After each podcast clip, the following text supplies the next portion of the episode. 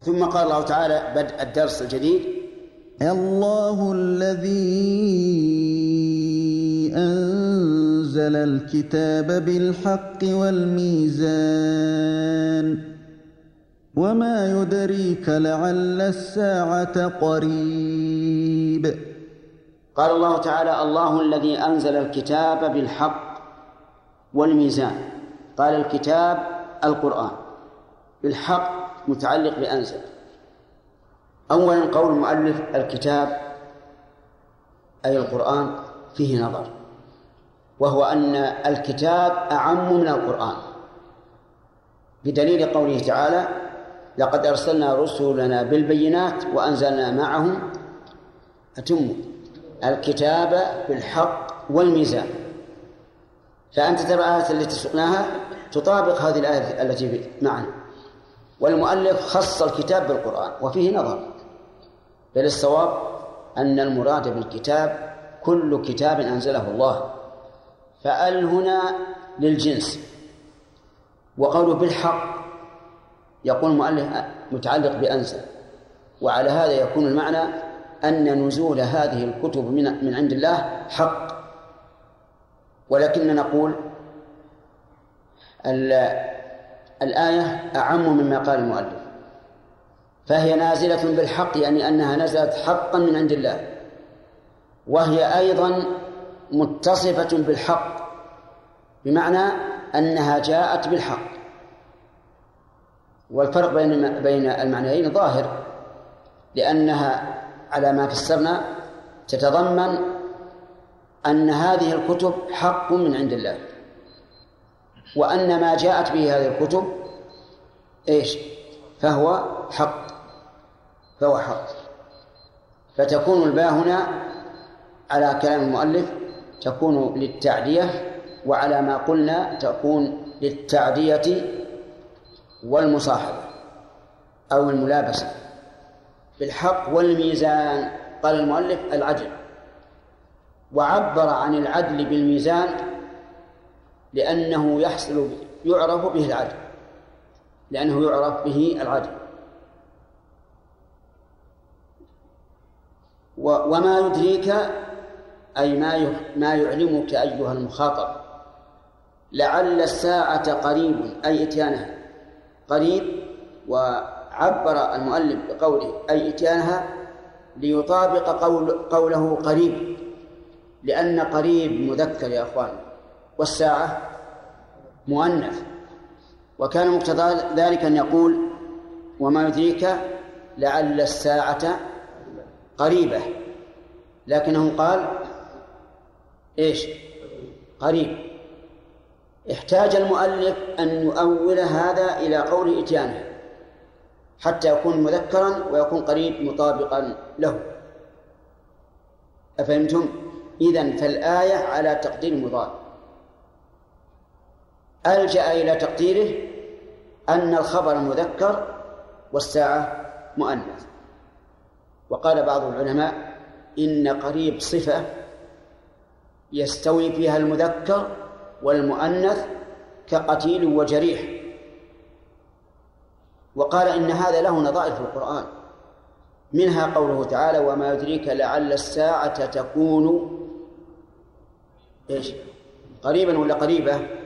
قريبة ومنها قوله تعالى إن رحمة الله إيش؟ قريب ولا قريبة؟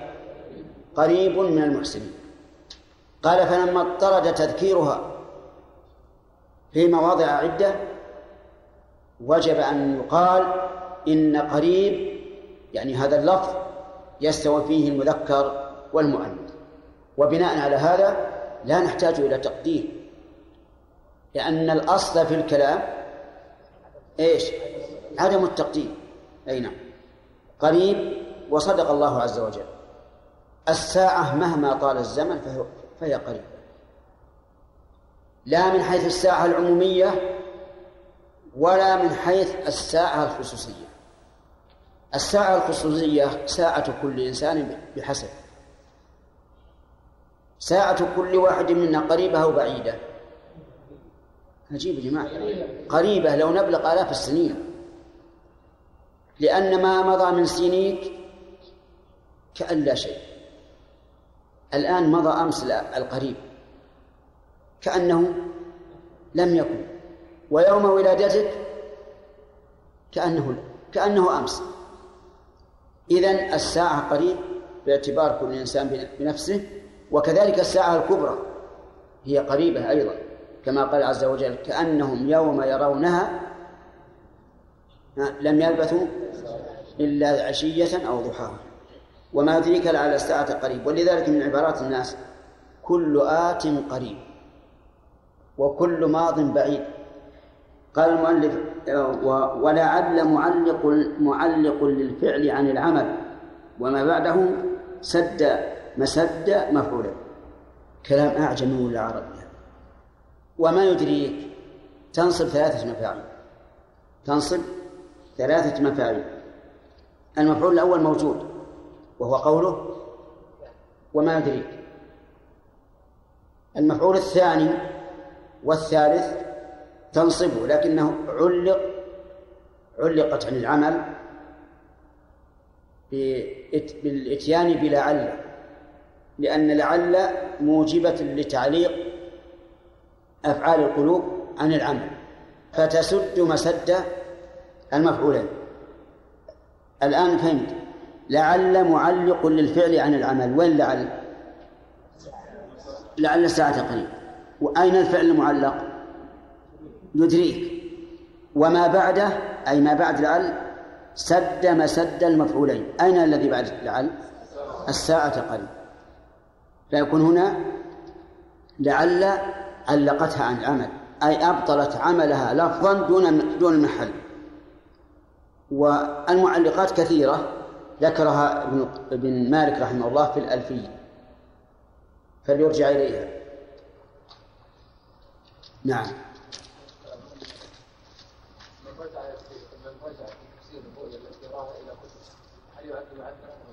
كيف؟ رجع إلى كتب في تفسير وتعبير يعد معبرا لها من هذا الوجه؟ هل يعد عابرا عابرا؟ نعم. لا هذا غلط. هذا من الغلط العظيم. الرجوع إلى الكتب التي تعبر الرؤيا غلط. لأن الرؤيا تختلف باختلاف الرائي واختلاف المرئي الذي رؤيت فيه. إلى آخره. من الناس مثلا من يرى أنه يؤذن فنفسر له الأذان بأنه سيحج. يقول وأذن في الناس بالحج. ومن الناس من يرى هذه الرؤيا ونقول إنه, إنه سارق. فأذن مؤذن بينهم إنكم لسارقون على حسب الحال. وإذا رؤ نعم. إيش؟ إذن لا يجوز أن نرجع إلى كتب التعبير. حتى ننظر في كل قضية بعينها. ثم إن عبر الرؤيا في الواقع ليس سببه العلم. قد يكون الإنسان من أعلم الناس ولا يعرف يعبر الرؤيا وقد يكون من من عوام الناس ويعبرها وتقع كما عبر. إذن لا نعتمد على هذه الكتب. لكن إن كان فيها قواعد عامة أنا ما لم أراجعها من قبل. إن كان فيها قواعد عامة يستعين بها الإنسان فهذا يمكن نرجع له. يقع يقع كيف؟ يعني هل اذا رجع فانه رجع المعبد لا لا لا لا ما يصح.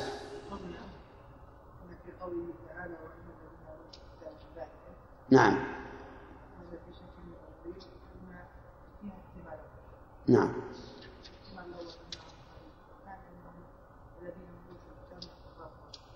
الذين يوجد كتاب من إيش؟ نعم.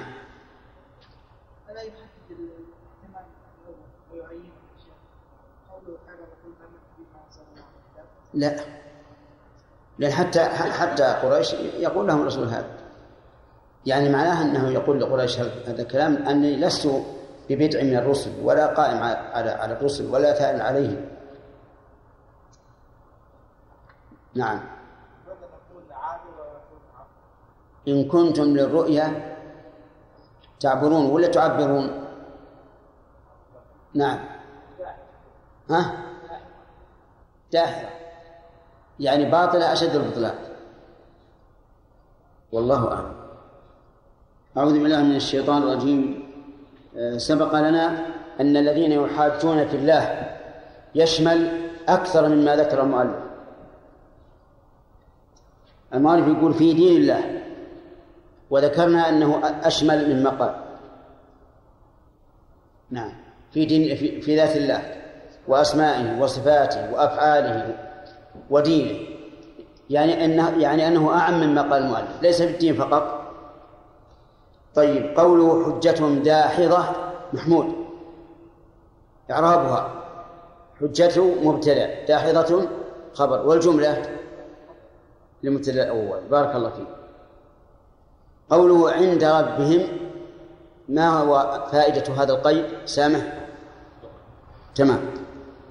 يعني أنها عند الله داحضة على كل حال. أما في الدنيا فقد يكون المحاج من أهل الدين يكون ضعيفا بالحجة فلا يدحض حجة هذا المبطل قوله وعليهم غضب يلا صالح. ممن من الله ومن أوليائه. طيب. أحسن. لماذا قال الله عز وجل في الفاتحة؟ صراط الذين أنعمت عليهم غير المغضوب عليهم ولم يقل غير الذين غضبت عليهم. يا جزاء أحسنت والنعمة من الله خاصة. كذا. لم يقل صراط المنعم عليهم غير المغضوب. ولم يقل الذين أنعمت عليهم غير الذين غضبت. لأن النعمة ممن؟ من الله وحده كما قال عز وجل وما بكم من نعمة فمن الله. الغضب يكون من الله ومن عباده وأوليائه في الآية الكريمة إثبات الغضب لله عز وجل. يلا وليد. يعني لو قال قائل عليهم غضب ولم يقل من الله. فكيف يصح أن تقول إن هذا دليل على أن أن الله يغضب وثانيا دلت آيات أخرى على على غضب الله على هؤلاء. تمام. طيب. قولها أنزل الكتاب بالحق. ما المراد بالكتاب؟ كتاب واحد؟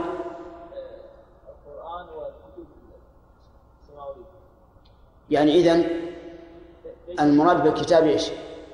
الواحد ولا الجنس؟ الجنس.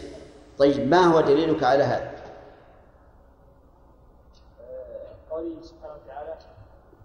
قوله ولا قوله؟ قوله, قوله. ترى لديك سبعيون كثيرون. نعم. الله الذي أنزل الكتاب بالحق. مم. أنزل الكتاب بالحق. لم يقل يعني أنزل الكتاب. ال فهمنا أن ال هذه للجنس لكن ما هو الدليل على هذا؟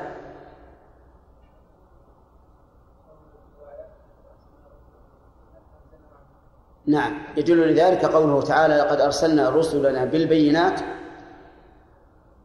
وأنزلنا معهم الكتاب والميزان.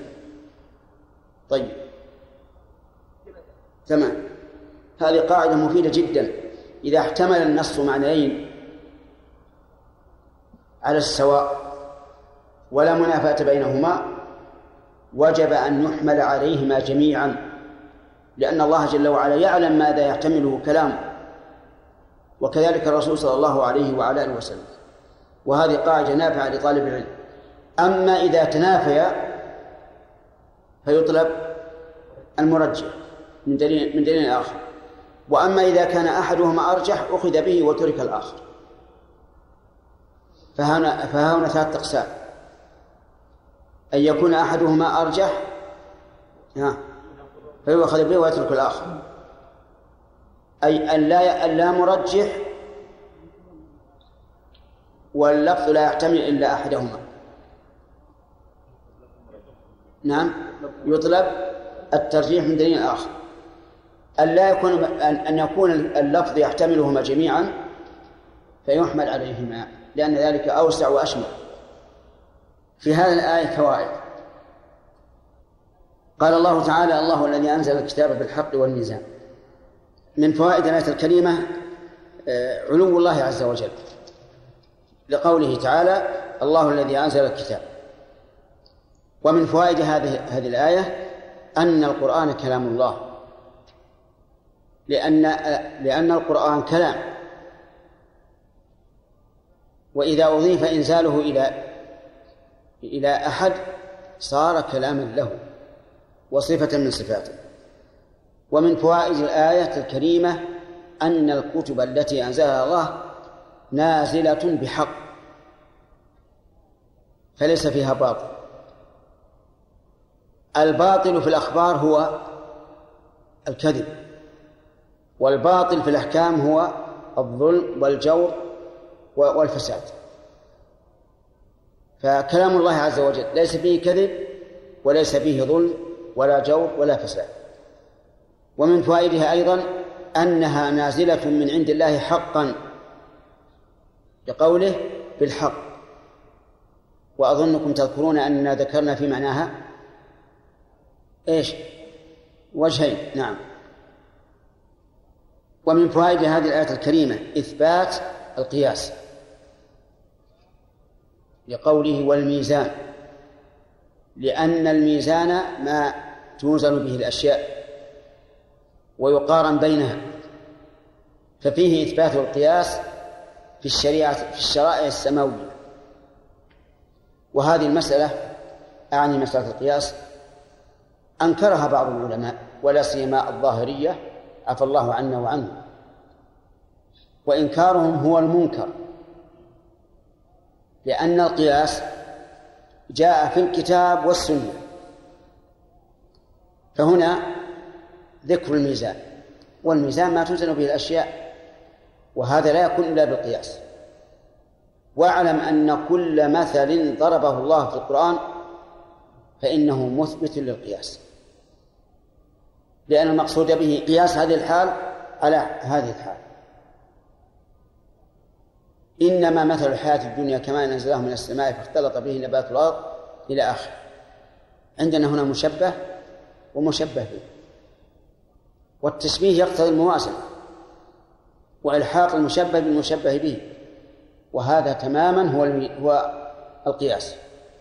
وهذه خذها قاعدة. كل مثل في القرآن فإنه يتضمن إيش؟ إثبات القياس. طيب. وقال الله تعالى أوليس الذي خلق السماوات والأرض بقادر على يخلق مثلهم؟ هذا في قياس. قياس أولوية ولا مماثلة؟ أولوية ورسول الله صلى الله عليه وسلم ذكر القياس في عدة أحاديث منها أنه شبه قضاء الحج عن الميت بقضاء الدين. ومنها أن رجلا جاء إليه وقال يا رسول الله إن امرأتي ولدت غلاما أسود وهو والمرأة أبيضان. فقال له النبي صلى الله عليه وعلى آله وسلم هل لك من إبل؟ قال نعم. قال ألوانها قال حمر. قال هل فيها من أورق؟ قال نعم. قال أنى لها ذلك. ما الذي جاء بالأورق؟ قال يا رسول الله لعله نزعه عرق قال فولدك هذا أو قال فابنك هذا لعله نزعه عرق فإثبات القياس لا بد منه. ولا يمكن أن تتوسع الشريعة إلا بالقياس لأن أكثر الحوادث لم يوجد بعينه في النصوص لكن وجدت قواعد وأصول ترجع إلى إليه هذه الحوادث في حكمها. ومن فوائد هذه الآية الكريمة الإشارة إلى قرب الساعة. لقوله وما يدريك لعل الساعة قريب. وسبق في التفسير أن المراد هل المراد بالساعة الساعة العظمى الكبرى أو الساعة الصغرى وهي موت كل إنسان؟ وقلنا إن المراد المعنيان كلاهما. طيب. ومن فوائد هذه الآية الكريمة أن النبي صلى الله عليه وسلم لا يعلم متى تقوم الساعة. لقوله وما يدريك أي ما يعلمك. وهذا حق ثابت فإن جبريل عليه السلام سأل النبي صلى الله عليه وعلى آله وسلم قال أخبرني عن الساعة. فقال ما المسؤول عنها بأعلم من السائل يعني كما أنك أنت تجهلها فأنا أجهله ولهذا من ادعى علم الساعة فإنه كافر. مكذب لقول الله تعالى لا يجليها لوقتها إلا هو. ومن فوائد هذه الآية الكريمة إثبات علو الله عز وجل. لقوله أنزل الكتاب. والمراد بالكتاب هنا كلامه عز وجل الذي أوحاه إلى رسله. ما وجه الدلالة من الآية؟ أنزل. هذا هذا هذا الدليل لكن ما وجه الدلالة. نعم. وجه الدلالة أن النزول يكون من الأعلى إلى الأسفل. وعلو الله سبحانه وتعالى انتبه له يا أخي. علو الله ثابت بالقرآن والسنة والإجماع والعقل والفطرة. كل الأدلة الممكنة حاصلة لإثبات علو الله عز وجل. وهل العلو علو ذاتي أو علو وصفي؟ بمعنى أن علوه علو صفة أو علو ذات وصفة. الثاني ذات وصفة. لقوله تعالى سبح اسم ربك الأعلى. وقوله تعالى ولله المثل يعني الوصف الأعلى. إذا فعلو الله عز وجل علو ذات وعلو صفة علو الصفة لا أعلم أحدا ينتسب إلى الإسلام أنكره. كل المنتسب إلى الإسلام من مبتدعة وسنية كلهم يؤمنون بعلو الله تعالى علو الصفة. لكن عاد ما هو علو الصفة؟ هنا يختلف تختلف الأفهام. بعضهم يقول من علو صفته تعطيل صفاته. أفهمتم؟ هذه بحث آخر. علو الذات هذا محل المعترك بين السنيين والبدعيين. انقسم الناس فيه إلى ثلاثة أقسام. ولا بأس أن نبسط لأن هذه عقيدة يا إخوان. قسم أثبتوه وقسم نفوه وقالوا إن الله تعالى لا يقال إنه فوق ولا تحت. وقسم نفوه وقالوا إنه سبحانه وتعالى في كل مكان في السماء وفي الأرض في الأسواق في المساجد في المراحيض وأعوذ بالله في كل شيء. فإذا الأقوال ثلاثة. القول الأول علو الله تعالى بذاته أنه أنه بذاته فوق كل شيء. انتبه يا أخي. قلت لكم هذا دل عليه إيش؟ دل على الكتاب والسنة والإجماع والعقل والفطرة نأخذ من كل واحد من كل نوع بدليل. القرآن. ما أكثر ما يقول الله عز وجل في كتابه وهو العلي. العلي. والعلي هنا صفة مشبهة. والصفة المشبهة صفة ثبوتية لا تفارق موصوفة. ويقول عز وجل سبح اسم ربك الأعلى. الأعلى اسم تفضيل. حذف المفضل عليه ليدل على العموم يعني الأعلى على كل شيء. نكتفي بهذا وإلا ففي القرآن ما لا يحصى على وجوه متنوعة. في السنة كان النبي عليه الصلاة والسلام إذا سجد يقول سبحان ربي الأعلى. وقد دلت السنة القولية والفعلية والإقرارية على علو الله عز وجل.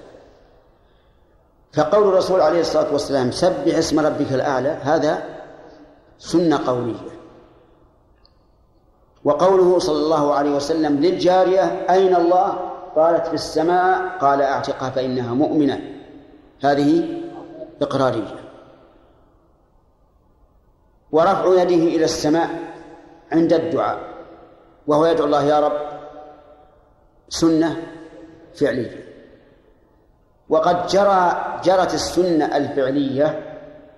في أكبر اجتماع حصل للنبي صلى الله عليه وعلى آله وسلم مع أصحابه وذلك في يوم عرفة.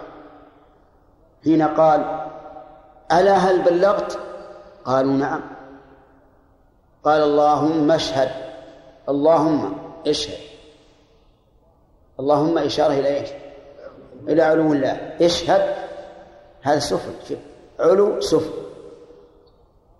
للخلق. قال ألا هل بلغت؟ قالوا نعم. قال اللهم اشهد. ألا هل بلغت؟ قالوا نعم. قال اللهم اشهد. ثلاث مرات. يشهد الله عز وجل على إقرار أمته بأنه بلغ. وهل تشهدون أنتم؟ نعم والله نشهد أنه بلغ البلاغ المبين. وأنه عانى من أجل ذلك أكبر عناء. صلوات الله وسلامه عليه. هذه سنة إيش هي؟ فعلية. إذن السنة بجميع أنواعها كلها دلت على علو الله. الإجماع إجماع الصحابة وأئمة المسلمين من بعدهم على علو الله.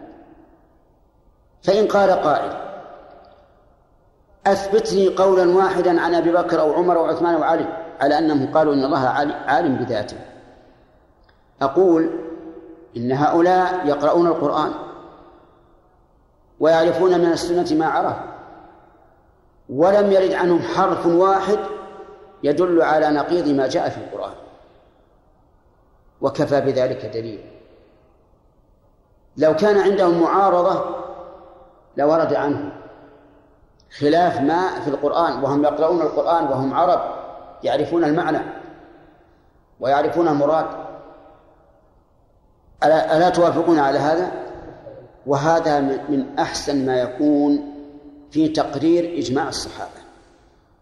يعني إذا أتاك إنسان وقال لك طيب يا أخي أثبت لي قول واحد عن الصحابة أنهم آمنوا بعلو الله بذاته. أقول ما يحتاج أثبت قرأوا القرآن. وعلموا من السنة ما علموا ولم يرد عنهم حرف واحد يقولون فيه إن الله ليس في السماء أبدا ولا إنه بذاته في كل مكان. وهذا إجماع. وهكذا يا إخواني كل الصفات التي لم يرد عن الصحابة ما يناقضها فهو إيش؟ دليل على إجماعه. طيب العقل العقل هل يدل على علو الله؟ نعم يدل على علو الله لأنك لو سألت أي إنسان هل العلو أكمل أو السفول؟ لقال لك العلو أكمل لا شك حتى في في أمور الدنيا يقول هذا هذا اللباس أعلى من هذا اللباس كل يعرف أن العلو صفه كمال وإذا كان كذلك فهل الرب موصوف بالكمال عقلا أو لا موصوف بالكمال عقلا. ولهذا قال إبراهيم لأبيه محتجا عليه بدليل العقل يا ابت لم تعبد؟ إيش؟ ما لا يسمع ولا يبصر ولا يغني عنك شيئا. هذا ما يعبد. هذا استدلال عقلي. أيضا نحن نقول العلو باتفاق العقلاء صفة كمال والسفول باتفاق العقلاء صفة نقص. فحينئذ ثبت لله العلو الذاتي عقلا بقينا بالفطرة الفطرة لا تسأل اسأل عجوزا تدور بالرحى تطحن الطحين اسألها وين الله؟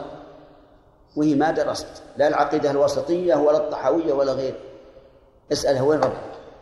وش تبي تقول؟ ها؟ هذا كل هذا في السماء. ولا ولا ولا تتوقف لحظة لأن هذا أمر مفطور عليه الخلق. ويقال إن أبا المعالي الجويني عفى الله عنه وعنه وهو إمام الحرمين كان يتكلم عن الاستواء. ومعروف أن الأشاعرة وهو من أئمة الأشاعرة عفى الله عنه وعنه معلوم أنهم ينكرون استواء الله على العرش. يقولون استوى على العرش يعني استولى عليه. ما في علو. استولى عليه. وأحدثهم أنا في مجلس عن مجلس جمعني بعوام. مجلس عادي قهوة تكلم أحد الطلبة في نفس المجلس قال يعني إن إن أهل التأويل يعني أهل التحريف يقولون إن ربكم الله الذي خلق السماوات والأرض في ستة أيام ثم استوى على العرش. يقولون ثم استوى على العرش ثم استولى عليه. فقال العام عام عام جمال يحمل على الجمال يسافر من بلد إلى آخر. دعا عليه بدعوة معروفة عندنا في العامية. نعم. يقولون غرب الهلظة غربله غربله الله. يعني عاقبه. العرش من هو من هو له قبل هذا؟ العرش من هو له قبل هذا؟ سبحان الله فطرة. لأن خلق ثم استوى. خلق إذن ثم استولى. وقبل من هو له؟ عام. إذن الفطرة تدل عليه. المهم يقولون إن أبا المعالي الجويني تكلم عن الاستواء. وقال إن الله تعالى كان ولم يكن عرش ولا مخلوق. وهو الآن على ما كان عليه. إذا صار كان ولا عرش وهو الآن على ما كان عليه. ها يعني ليس على العرش. فقال له الهمدان يا شيخ دعنا من ذكر العرش. دعنا من ذكر العرش. يعني نبحث بحث آخر. أخبرنا عن هذا عن هذه الفطرة. ما قال عارف قط يا الله إلا وجد من قلبه ضرورة بطلب العلو. صح؟ كل إنسان يقول يا الله اسأل وين يروح قلبه؟ يمين ولا يسار ولا فوق؟ ها؟ فوق. فجعل يلطم على رأسه. حيرني الهمدان حيرني الهمدان. أجل يجيب. لأن هذه مسألة فطرية. مسألة فطرية. كل إنسان مفطور لولا أن الشياطين اجتلته على إيش؟ جيبوا يا ناس. على علو الله تعالى بذاته فوق كل شيء. فإذا علو الله سبحانه وتعالى دل عليه الكتاب والسنة والإجماع والعقل والفطرة الطائفة الثانية هو القول الثاني في هذه المسألة أن الله تعالى لا يوصف بالعلو إطلاقا. بماذا يوصف؟ قال في كل مكان. في كل مكان. ثم شبهوا بقوله تعالى وهو معكم أينما كنتم. وهو معكم أينما كنتم. أينما هذه ظرف مكان أي في أي مكان كنتم فالله معكم. قالوا الله معك في كل مكان. طيب إذا كنت في المسجد أين يكون الله؟ نعم في المسجد. الآخر في المرحاض واحد غيري في المرحاض. أين يكون الله؟ ها؟ على لزمه أن يقول هذا وإلا فليرجع. في المرحاض. كم من إله الآن؟ كم من إله؟ اثنين. واحد في السوق. الله في السوق. صاروا كم؟ ثلاثة واحد في الطيارة. الله في الطيارة. هل هل هذا يقوله عاقل؟ يلزم من هذا القول أولا وصف الله بما لا يليق. أن يكون الله في المراحيض والحمامات والأماكن القذرة والعالية والساترة. ثانيا يلزم أحد أمرين. إما تجزؤ الله وإما تعبد الله. إما تجزؤ وإما التعدد. إن قالوا بالتعدد صحنا بهم صيحة تتقطع منها القلوب قلوبهم. ماذا نقول لهم؟ كفرتم. وصرتم أعظم من النصارى الذين قالوا إن الله ثالث ثلاثة وأنتم تقولون ملايين الملايين. وإن قالوا يتجزأ قلنا الآن أبطلتم قولكم. إذا كان يتجزأ وكان مثل جزء منه مع فلان وجزء مع فلان ما صار مع فلان. وهو يقول وهو معكم ولم يقل جزء منه معكم. فأنتم الآن خذلتم والحمد لله. وهذا والله لا أظن قدم مؤمن بالله تثبت عليه. لا أظن إنسان يؤمن بالله حقا تثبت قدمه على القول بأن الله في بذاته في كل مكان. أبدا. أما ما لبسوا به وشبهوا به من قوله هو معكم فإننا نقول لا يلزم من المعية أن يكون في نفس المكان. ولهذا العرب تقول في لغتها القمر معنا ومكانه في السماء وهم يقولون معنا العرب تقول المرأة مع زوجها يعني في عصمته ولو كان هو في أقصى المشرق ولا في أقصى المغرب أليس كذلك؟ القائد يوجه جنده إلى المعركة في الميدان ويقول اذهبوا واغزوا بسم الله وأنا معكم وهو في مكان فالمعية مدلولها واسع لا تستلزم الاختلاط لا في المكان ولا في الذات أفهمتم؟ إذن الحمد لله هذا القول بطل.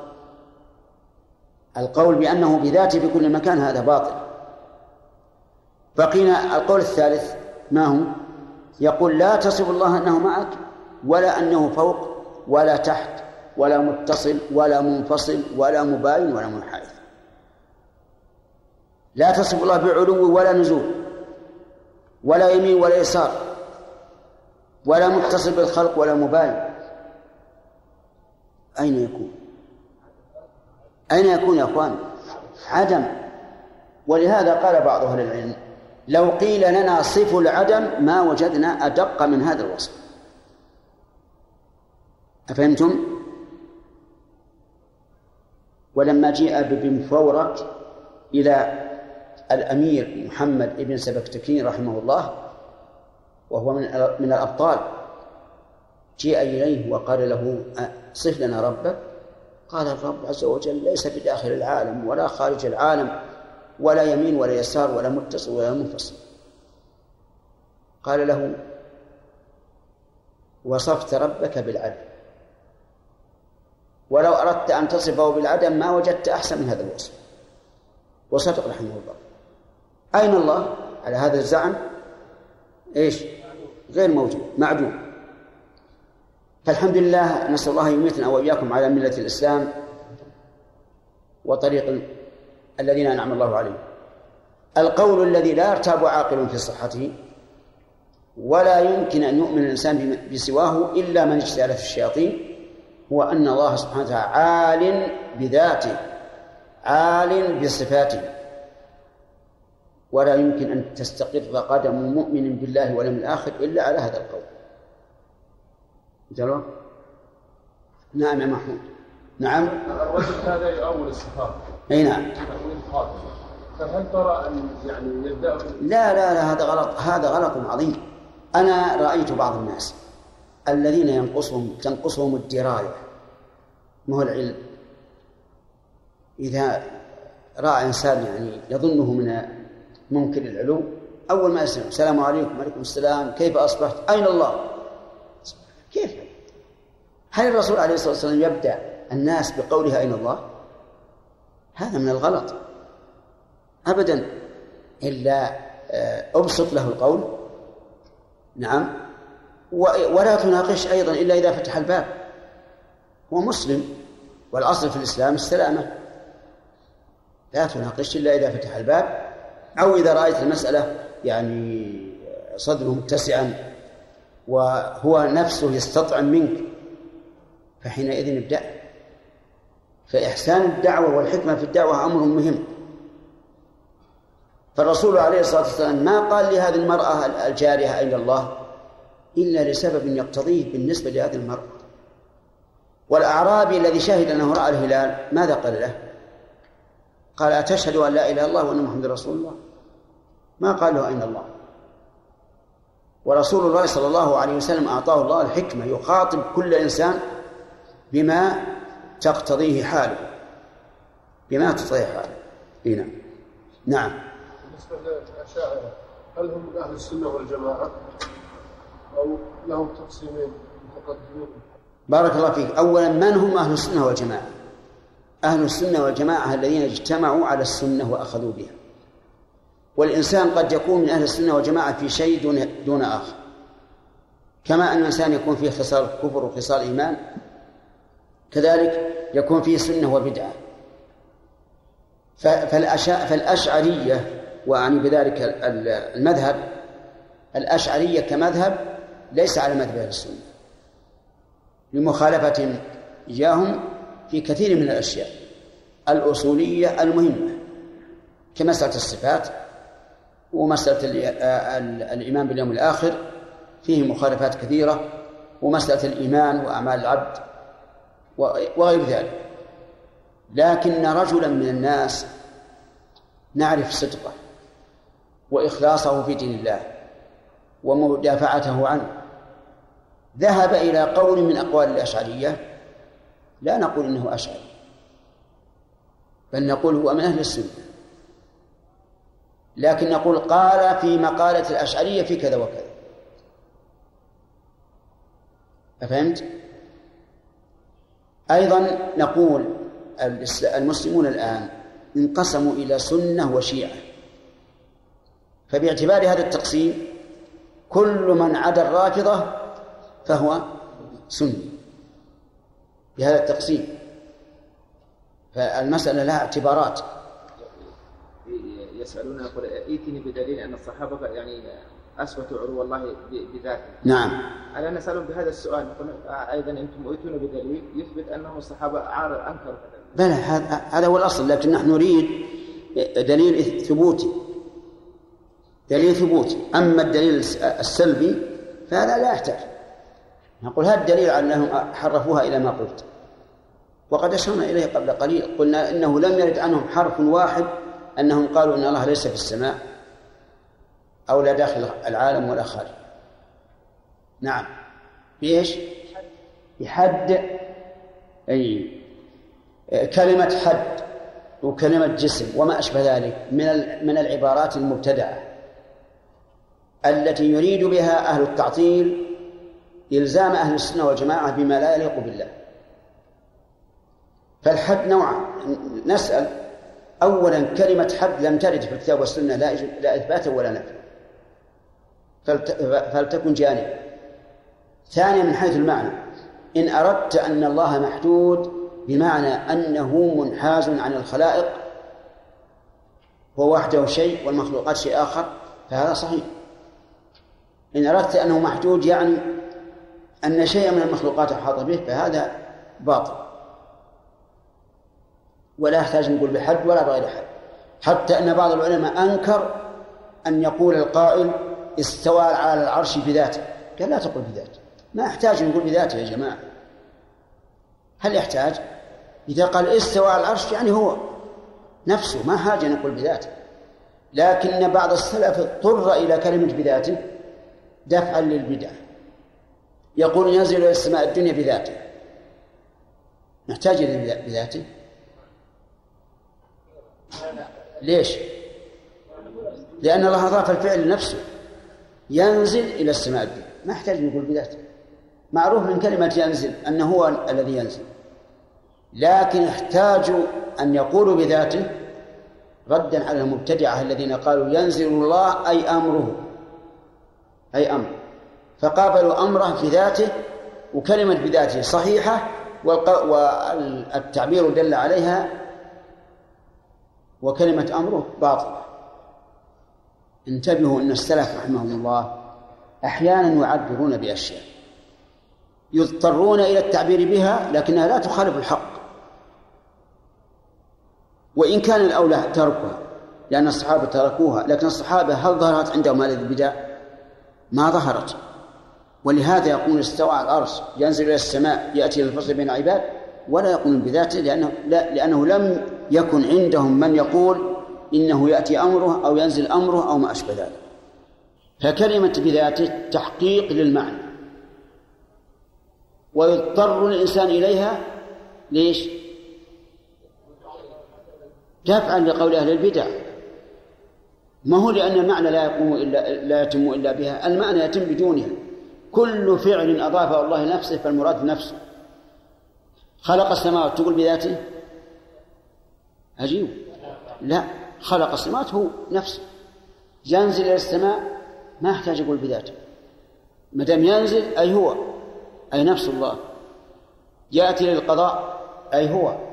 وهل مجرة لكن السلف رحمهم الله يضطرون إلى قول لا يخالف المراد دفعا لباطل ابتدعه أهل البدع مثلا قال الله تعالى وهو معكم أينما كنتم. ألا تعلمون أنه لم يشتهر عن السلف إلا قولهم هو معهم بعلم ومعهم بعلم. قالوا هذا كما قال عبد الله بن مبارك نقول هو معهم بعلمه ولا نقول كما يقول هؤلاء هو في الأرض. فقصدهم معه بعلمه يعني ردا لإيش؟ لمن قالوا إنه معهم بذاته. يعني في المكان اللي هم فيه. لكن و لا لكن لو رجعنا إلى إلى إلى مدلول الآية بقطع النظر عن الرد على أهل البدع قلنا وهو معهم كما أضاف الله خلق إلى نفسه فهو معهم أي نفسه. لكن هل يلزم من المعية أن يكون في الأرض؟ لا لا يلزم. بل هو بالنسبة لله تعالى ممتنع غاية الامتناع. انتبهوا لهذا. مع أنه معنا بعلمه وسمعه وبصره وسلطانه وتدبيره وجميع وكل ما تقتضيه معنا معنا الربوبية. لكن هناك ظروف تلجئ الإنسان إلى قول إلى شيء زائد عن النص لتوضيح النص والرد على من حرفه. أرأيتم الآن؟ ولو طولنا عليكم شوي. أرأيتم آه، التسلسل مثلا؟ التسلسل. أصول الخلاف فيه ثلاثة. المنع في المستقبل والماضي الجواز في المستقبل والماضي الجواز في المستقبل والمنع في الماضي. تعرفون التسلسل نعم. طيب هو الصحيح ما تعرفونه لأنه لأن الواقع أنه محدث أيضا. هذا من المحدثات. هل الله عز وجل لم يزل ولا يزال فعالا؟ أو كان في الأول معطل عن الفعل ثم فعل. هذا واحد. وهل لا يزال فعالا أو سيأتي اليوم الذي تنتهي فيه الخلائق ويفنى كل شيء؟ هذا اثنين. أو إن الله تعالى لم يزل في الماضي ولا يزال في المستقبل فعالا. الثالث هو الحق الذي لا شك فيه. أنه لم يزل ولا يزال فعالا لكن فعله تابع لمشيئته. إن شاء فعل وإن شاء لم يفعل. وهذا القول وهو جواز التسلسل في الماضي والمستقبل هو المتعين. الجنة مخلد آه، باقية أبدا ولا لا؟ باقية أبدا. وما يحدث فيها من النعيم متسلسل. إلى ما لا نهاية له؟ وكذلك النار. في الماضي لم يخبرنا الله عز وجل إلا عن خلق السماوات والأرض والعرش وما أشبه ذلك. لكن نعلم أن الله عز وجل له أن يفعل ما شاء قبل هذه هذه المخلوقات. لأنه قادر. والقادر على الشيء يجوز أن يفعل. وقوله عز وجل إن ربك فعال لما يريد. يشمل الماضي والمستقبل. وهذا هو الذي دل عليه الكتاب والسنة والعقل. وإن كان بعض الناس أنكر على شيخ الإسلام رحمه الله حين صرح بجواز التسلسل في الماضي وقالوا هذا لا يمكن. إذا قلت إن إن بالتسلسل بالماضي لازم أن أن يكون الخلق مع الخالق. وهذا باطل إلى إلى أبعد الحدود. هل يلزم أن يكون الفعل مع الفاعل؟ إذا قلت إن الله فعال لا يلزم. بل, بل من الضروري أن المفعول قد سبقه فعل وأن الفعل قد سبقه فاعل. فاعل مريد هذا شيء عقلي. فأنا أقول لكم التسلسل البحث التسلسل وإتعاب النفوس فيه وإتعاب الأفكار وما الأسفار منه كل هذا إنما حدث حينما قال به أهل البدع. ودخل على الأمة الإسلامية حين عربت الكتب الرومانية واليونانية. وإلا فالناس في غفلة عن هذا على فطرهم أن ربنا عز وجل لم يزل ولا يزال فعالا وأن ذلك لا يستلزم قدم الحوادث فالمفعولات شيء والفعل شيء آخر. واضح يا جماعة؟ انتبهوا لهذه المسائل. هذه المسائل لو فكرتم لوجدتم الطريق الأسلم والأعلم والأحكم. طريق من؟ طريق السلف. واستمع إلى القولة المشهورة الباطلة التي تجدونها في كتب من عرفوا بالصلاح والإصلاح. يقولون طريقة السلف أسلم وطريقة الخلف أعلم وأحكم. سبحان الله. كيف تكون أعلم وأحكم وليست بأسلم؟ لأننا نعلم أن الأعلم والأحكم يجب أن يكون الأسلم. ونعلم أيضا أنكم إذا أقررتم من طريقة السلف أسلم فهي الأعلم والأحكم. لكن هؤلاء أتوا حيث لم يفهموا طريقة السلف. ظنوا أن طريقة السلف التفويض.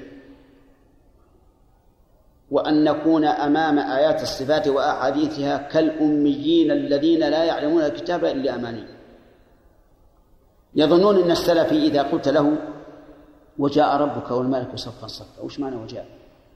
الله أعلم فك من شرك. ما أدري. استوى على العرش إيش معناه؟ قال ما أدري. ويبقى وجه ربي إيش معناه؟ قال ما أدري.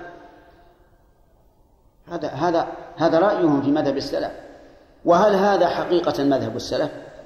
ها؟ أبدا. السلف يقول نعرف المعنى. نعرف وجاء ربك أنه أتى عز وجل على وجه يليق بجلاله.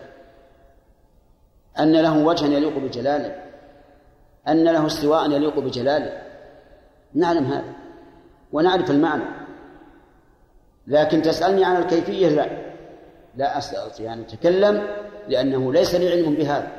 هم لما عل... لما ظنوا أن مذهب السلف هو التفويض يعني تفويض المعنى والكيفية. قالوا طريقة الخلف أعلم وأحكم ونحن معهم إذا كان مذهب السلف أنهم لا يفهمون المعنى. فالذي يفهم المعنى أحسن من الذي لا يفهم. لا شك في هذا. وإن كان فهمه خاطئا لكنهم لكن طريقتهم سليمة. إلا أننا نقول لهم طريقة السلف إثبات المعاني. وهذا مشهور متواتر عنه. يقولون في آية الصفحة وحديثها أمروها كما جاءت بلا كيف. أمروها كما جاءت بلا كيف. هذه الجملة التي اتفق عليها السلف تدل على أنهم يثبتون المعنى من وجهين.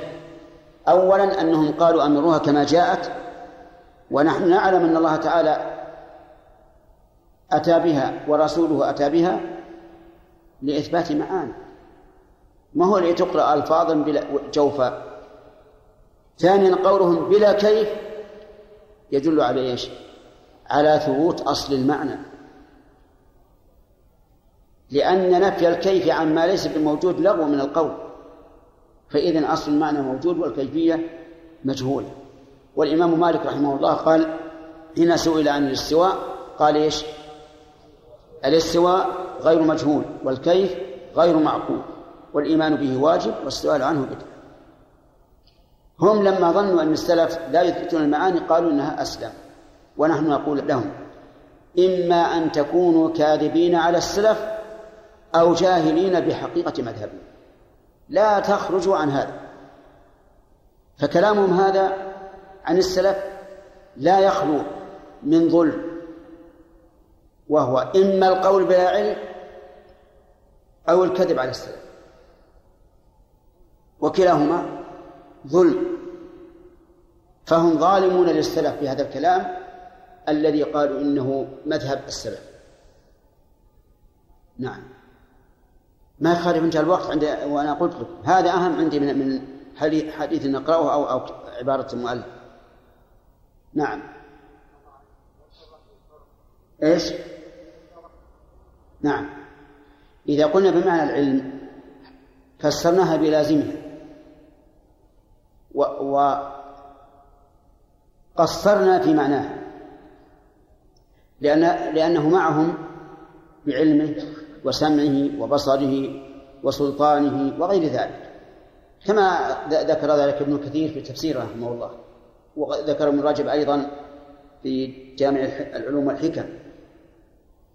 يعني ليس معهم بالعلم فقط بل بكل ما تقتضيه الربوبية من علم وسمع وبصر وقدرة وسلطان وغير ذلك. ثانيا المعية الشيء والعلم من لازمها ومقتضياتها فهي أشمل إحاطة ومعنى. لكنهم يفسرونها بالعلم ردا لقول أولئك القوم الذين يقولون إن الله معنا في, في نفس المكان. والعامي عندما تقول له المعية لها معنى والعلم مقتضاها ولازمها ما يفهم. والحملة الشديدة في ذلك الوقت في زمن الأئمة بالنسبة لتحريف المعية. فلذلك أتوا بهذا المعنى السهل الذي يتصوره الإنسان عن قرب. نعم. طيب. إذا لبست ثوبك فقلت أكلت خبزة تعني لبست ثوب هل له وجه؟ إذا كان التأويل ليس له وجه لا لغة ولا شرعا فهو كفر لأنه تكذيب. ولهذا نقول جحد الصفات نوعان. جحد الصفات نوعان. إما تأويلا وإما تكذيبا. إن كان تكذيبا فلا شك أنه كفر. لو قال قائل الرحمن على العرش استوى إنه لم يستوي على العرش. كذب. ماذا نقول؟ نقول كفر. كفر لأنه مكذب. لو قال نعم استوى على العرش لكن معناه استولى. قلنا هذا إيش؟ تأويل عاد ينظر. إن كان للتأويل مساغ إن دل عليه دليل أخذنا به. وإن لم يدل عليه دليل رددناه. لكن إن كان له مساغ لم يكفر وإن لم يكن له مساغ فإنه يكفر. ثم قال الله عز وجل يستعجل بها الذين لا يؤمنون بها والذين آمنوا مشفقون منها ويعلمون أنها الحق.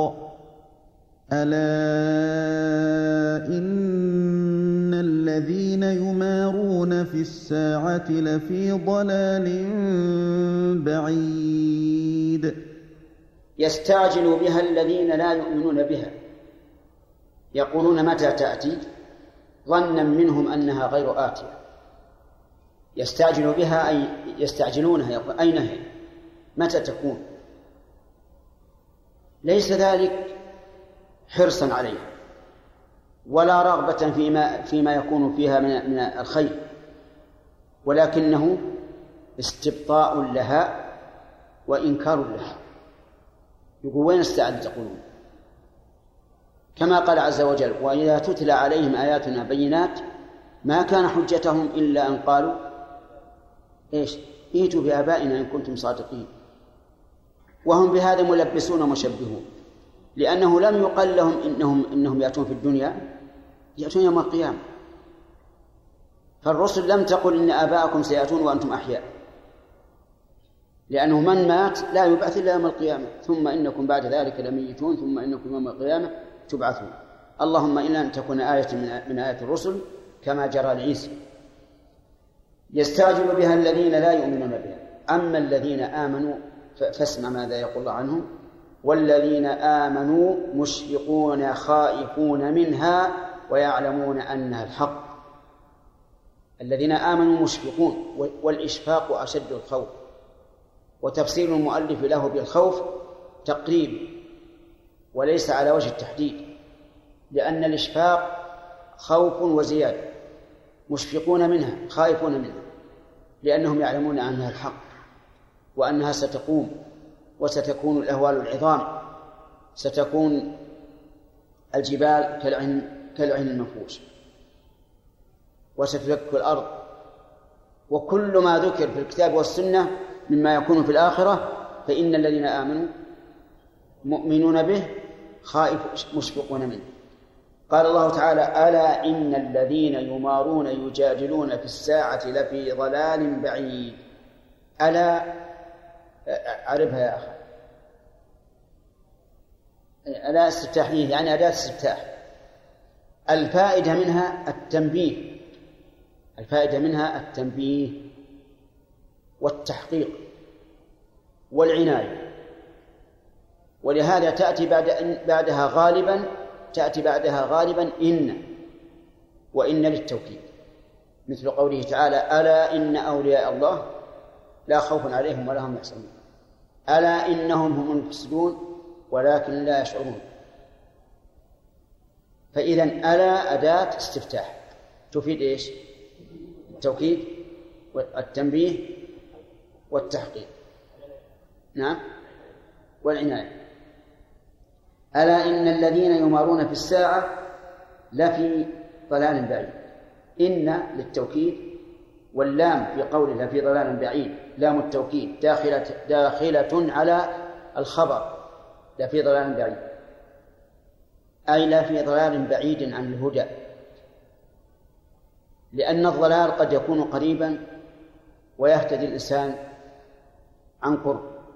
وقد يكون بعيدا. فلا يهتدي والعياذ بالله إلا بعد التي والتين من فوائد هذه الآية الكريمة أن منكر الساعة يستعجلونه. يقولون متى؟ والمراد بقولهم متى؟ الإنكار. كما قال عز وجل وإذا تتلى عليهم آياتنا بينات ما كان حجتهم إلا أن قالوا ائتوا بآبائنا إن كنتم صادقين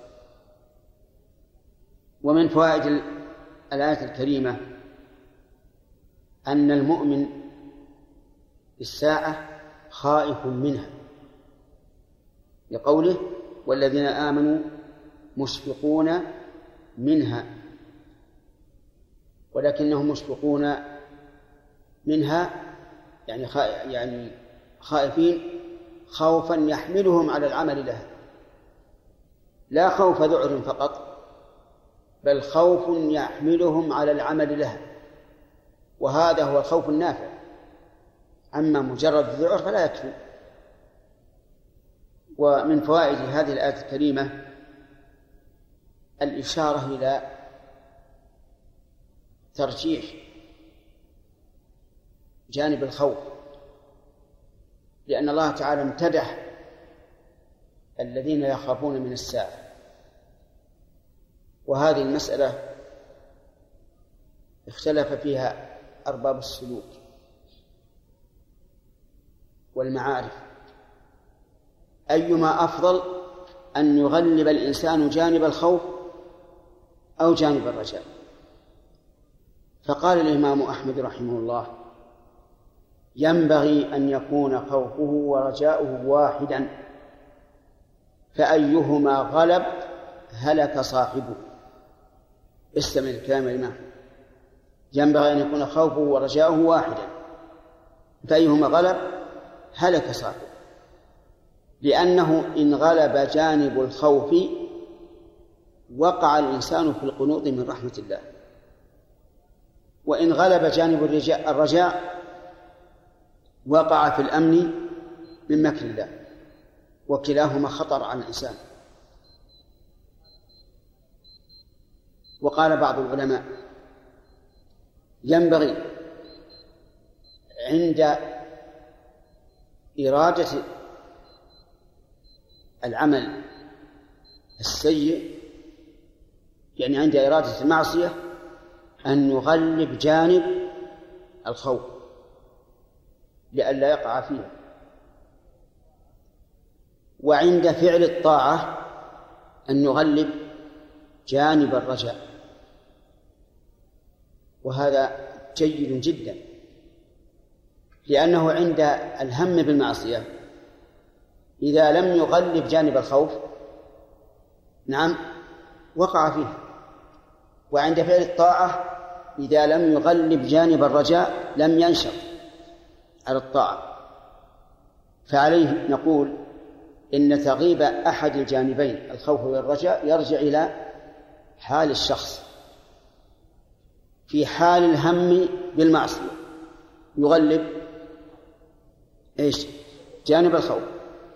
وفي حال فعل الطاعة يغلب جانب الرجاء. لئلا يقنط من رحمة الله وييأس من روح الله. فيغلب جانب الرجاء. ويكون رجاؤه هذا مبنيا على أنه لما يسر الله له فعل الطاعة فإن رجاءه بالله يكون أعظم وأمتن. فيكون الله تعالى عند حسن ظنه به. هذا هذا هذان القولان. القول الثالث في حال المرض ودنو الأجل يغلب جانب الرجاء. حتى يموت وهو محسن ظنه بالله عز وجل. وفي حال الصحة يغلب جانب الخوف لأن الإنسان إذا كان صحيحا فإنه يكون عنده شيء من البطر والأشر وربما يقدم على إيش؟ على المعاصي والتهاون بالواجبات. فيغلب هنا جانب الخوف. ولهذا جاء في الحديث نعمتان مغبون فيهما كثير من الناس الصحة والفراغ. وعند العوام يقولون نعمتان مجحودتان الصحة في الأبدان والأمن في الأوطان في الأوطان. هذا مو صحيح. الصحيح نعمتان مغبون فيهما كثير من الناس الصحة والفراغ. وما ك... ولم يكن فارغا إلا لأنه غني. لأن الفقير لا يكون فارغا. يعمل ويكدح ويكتسب. فهاتان النعمتان كثير من الناس مغبون فيهما لأنه لا يربح فيهما. إذا هذا قول ثالث. ما هو؟ في حال المرض يغلب جانب الرجاء وفي حال الصحة يغلب جانب الخوف. ولكن القول الوسط وما أشرنا إليه أول هو القول الثاني. إذا هم بالمعصية فليغلب جانب عجيب الخوف. وإذا فعل الطاعة فليغلب جانب الرجاء. نعم. الساعة في كتاب نازل في الأسواق. نعم. يتحدث عن تاريخ نهاية أمة الإسلام. وهذا الكتاب يستند على أحاديث أقلها يصححها الشيخ الألباني. نعم. ونزلت ثلاث كتب الآن. العلامات الصغرى يقول إنها كلها خرجت واللي بقي منها هذه تسمى أحداث. تقع بعد خروج بعض بعض العلامات الكبرى مثل كنز كنز الفرات وتعود مروج وأنهار جزيره العرب ويذكر أيضا في الكتاب طبعا الكتاب مزكى من بعض علماء الأزهر. والأحاديث اللي فيه صحيح. أغلبها يعني إلى درجة الحسن يعني حسن الشيخ الألباني. ويستدل باحاديث في حصاد العراق. حصار العراق وان هذا ورد حديث عن النبي صلى الله عليه وسلم هذا الحصار ويقول الأمة ويستدل بأحاديث الأجراء. ويأتي بالكلام لشيخ الإسلام الأجراء إن الله سبحانه في الأمم اللي عملت في النهار والأمم اللي عملت في الليل. يعني طويلة صراحة وجاب أيضا الكتاب الثالث رد على اللي ردوا عليه. وقال أنا ما هو أول واحد يعني سلك هذا المسلك ابن حجر وأيضا ابن رجب وابن عساكر وكثير من أهل العلم والسيوطي تكلموا في هذا الباب لماذا تنكرون عنه؟ طبعا هو يقول باقي عليه 70 سنة أو 68 سنة وتنتهي أمة الإسلام. يقول قد تزيد قليلا وتنقص قليلا. أما علم الساعة فعند الله سبحانه وتعالى. وهذا عمر أمة الإسلام. والله أعلم.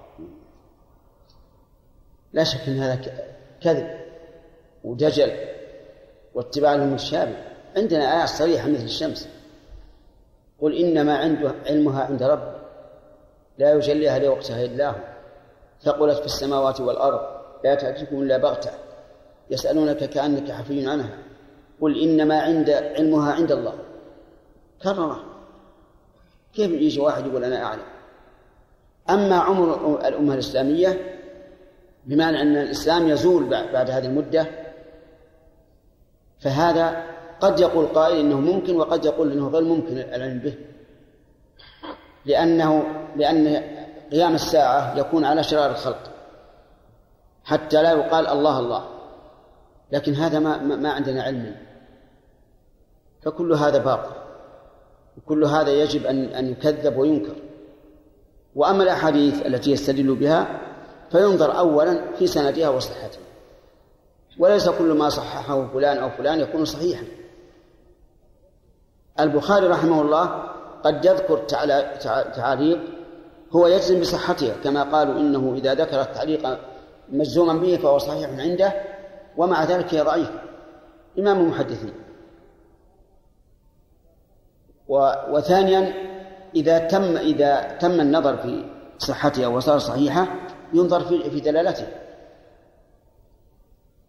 فلا يمكن أن تدل الأحاديث الصحيحة عن النبي صلى الله عليه وسلم بخلاف ما جاء في القرآن وبخلاف ما هو صريح وقول رسول في صحيح في السنة وقول الرسول صلى الله عليه وسلم أتاكم يعلمكم دينكم يدل على أن من ديننا أن نؤمن بأنه لا علم لأحد بقيام الساعة.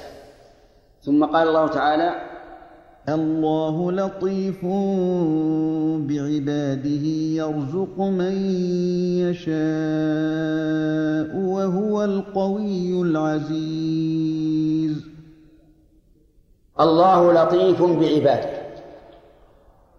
الجملة السنافية وهي أيضا مبتدأ آية. الله لطيف بعباده لا يخفى أنها مبتدأ وخبر ومعنى اللطيف اللطيف هو الذي يلطف بالعبد فيقدر له من التيسير ما لا يخطر له على بال. قال ابن القيم رحمه الله في النونية وهو اللطيف بعبده ولعبده. لطيف به يرفق به وييسر له الأمر. لطيف لعبده يقدر له من الأمور الخارجية ما يكون فيه اللطف. كما قال عز وجل إن ربي لطيف. إيش؟ لما يشاء. إذن اللطافة تعتبر عن إيش؟ كناية عن تيسير الأمر وتسهيل الأمر لمن شاء من عباده. لكن هنا يقول لعباده برهم وفاجرهم. حتى حتى الفاجر الله لطيف به. نعم. لطيف به بالمعنى العام ولهذا ينزل عليه المطر وينبت لهم النبات ويدفع عنهم الشرور إلى آخره. فالله عز وجل لطيف بالعباد كلهم البر والفاجر لكن لطفه بالبر لطف خاص مستمر في الدنيا وفي الآخرة ولطفه بالفاجر لطف عام يكون ابتلاء وامتحانا. وربما يزداد به الفاجر فجورا بما لطف الله به. كما قال النبي صلى الله عليه وسلم إن الله ليملي للظالم حتى إذا أخذه لم يفلت. يطيهم العباد حيث لم يهلكهم جوعا بمعاصيهم وإنما فسرها بقوله حيث لم يهلكهم جوعا توطئة لقوله تعالى يرزق من يشاء. يرزق أي يعطي. فالرزق بمعنى العطاء. ومنه قوله تعالى وإذا حضر القسمة أولو القربى واليتامى والمساكين إيش؟ فارزقوه أي أعطوه. يقول من يشاء, من يشاء من كل منهم ما يشاء. من وما يشاء. لأن المسألة فيها مرزوق وفيها رزق. المرزوق عبر عنه بقوله من يشاء فأتى بمن؟ التي للعقلاء. والمرزوق قال قدرها الشارع بقوله ما يشاء. إذا لدينا رزق ومرزوق. المرزوق عبر الله عنه بقوله إيش؟ من يشاء. والرزق حذف للعلم به وقدره المفسر بقوله ما يشاء. ونظير هذا قوله تعالى من كان يريد العاجلة عجلنا له فيها إيش؟ ما نشاء. لمن نريد؟ لمن نريد. طيب. وقوله ما يشاء ترد كثيرا في القرآن أشياء معلقة بالمشيئة فأنا بسألكم هل هذه الأشياء المقدرة المعلقة بالمشيئة هي لمشيئة مجردة أو لمشيئة مقرونة بالحكمة الثاني يتعين هذا لأن لأن الله سبحانه وتعالى في أفعاله لا. لا يفعل إلا الحكمة كل ما وجدت مضافا إلى الله معلقا بالمشيئة فاعلم أنه مقرون بالحكمة.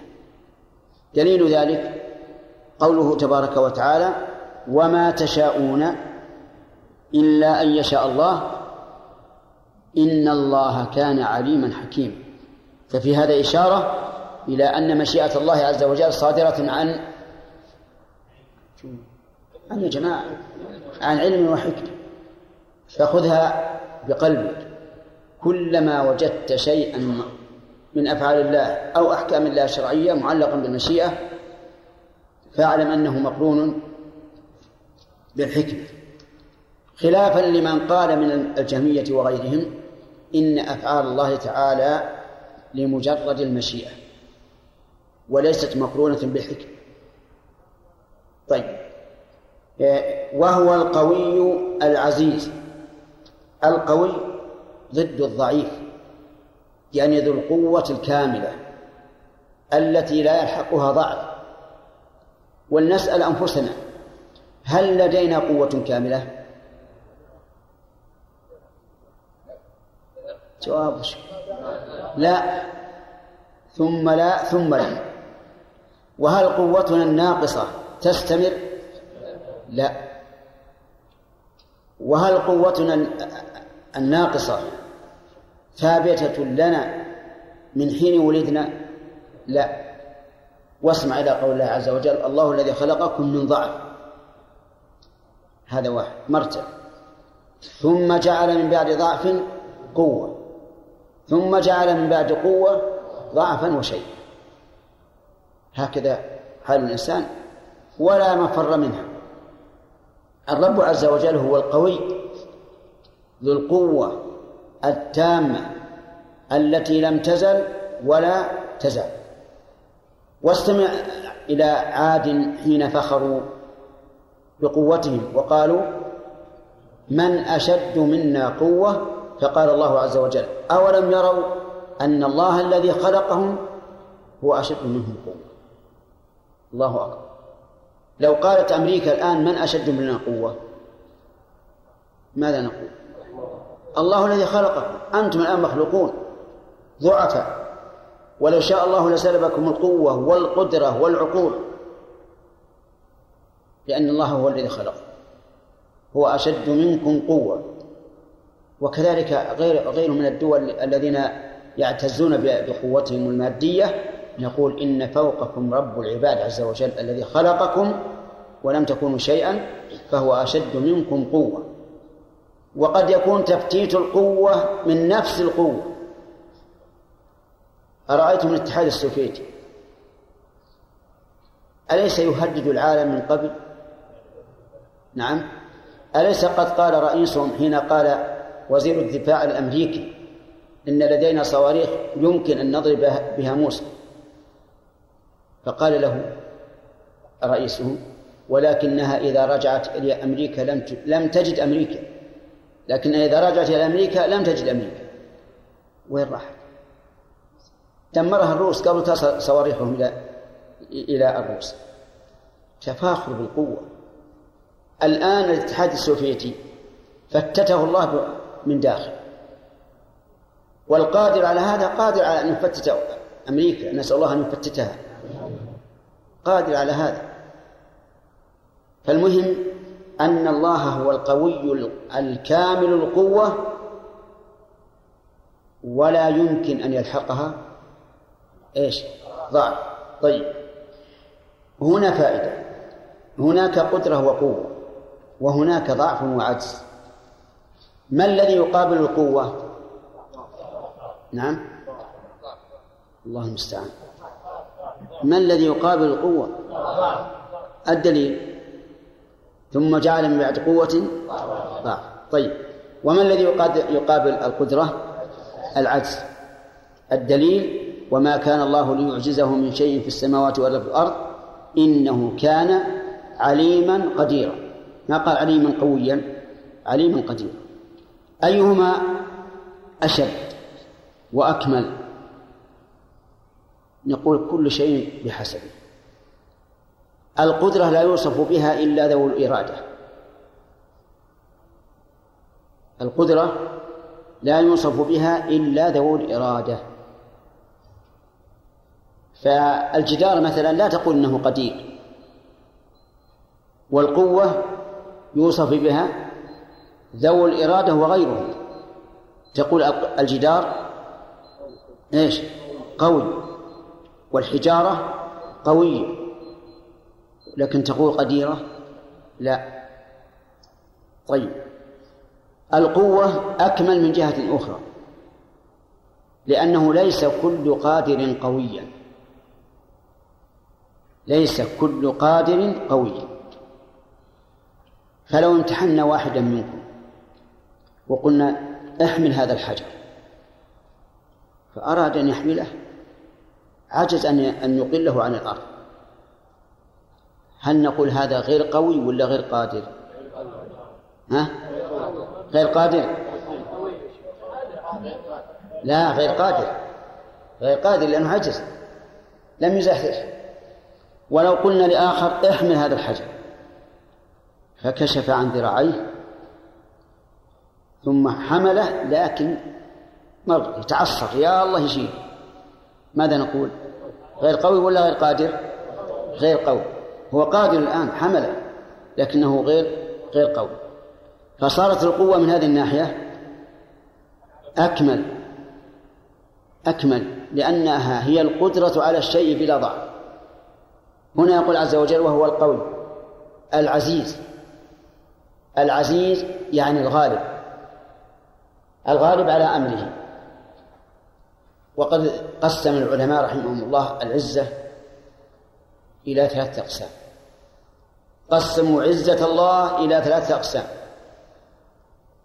عزة القدر وعزة القهر وعزة الامتناع. ثلاثة. بارك الله فيك. عزة القدر يعني أن قدره عظيم. لا نظير له. ومنه قول العرب هذا عزيز يعني نادر الوجود. هذا عزة القدر. عزة القهر يعني الغلبة. الغلبة وهذا أكثر ما ترد بهذا المعنى.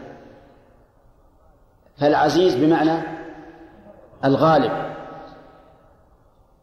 ومنه قوله تعالى ولله العزة ولرسوله وللمؤمنين ردا على قول المنافقين لئن رجعنا إلى المدينة ليخرجن الأعز منها الأذل. أفهمتم؟ طيب. الثالث عزة الامتناع. يعني أنه يمتنع عز عليه السوء عز وجل ويمتلئ عليه النقص. يحاول المجرمون أن يصفوه بالنقص ولكنه يمتنع عليه ومنه قولهم هذه أرض عزاز أرض عزاز يعني إيه؟ ها؟ إيش؟ شديدة صلبة الشديدة الصلبة التي لا تؤثر فيها المعاول يقولون إنها عزاز وفي لغتنا نحن العامة يقولون عزا فيحذفون الزاي الثانية أرضا عزا يعني صلبة. طيب إذا العزيز من أسماء الله عز وجل له ثلاثة معاني. الأول الأخ أنت. أي نعم. له ثلاث معاني. الأول عزة القهر. هو القهر نعم. ها نعم. ها. بارك الله فيك. كل هذه ثابتة لله عز وجل. قال ابن القيم وهو العزيز فلن يرام جنابه أن يرام جناب ذي السلطان. وهو العزيز الغالب القهار ونسيت أخ البيت. وهو العزيز بعزة هي وصفه فالعز حينئذ ثلاث معاني. وهو الذي كملت له سبحانه. فالعز له ثلاث معاني. الله عز وجل هو القوي وهو الغالب. وإذا جمع بين القوة والغلبة كمل السلطان. لأن من الناس من يكون قويا ولكن لا يغلب. أرأيتم لو كان هناك رجل قوي جدا قوة الحصن لكنه جبان. جبان. يغلب ولا ولا يغلب؟ ها؟ يغلب. لأنه جبان إذا اجتمعت القوة والعزة كمل السلطان. وهو القوي العزيز إلى آخره. إن شاء الله يأتي غدا آه، سبق لنا أن ألا أداة استفتاح وأنها تفيد. نعم.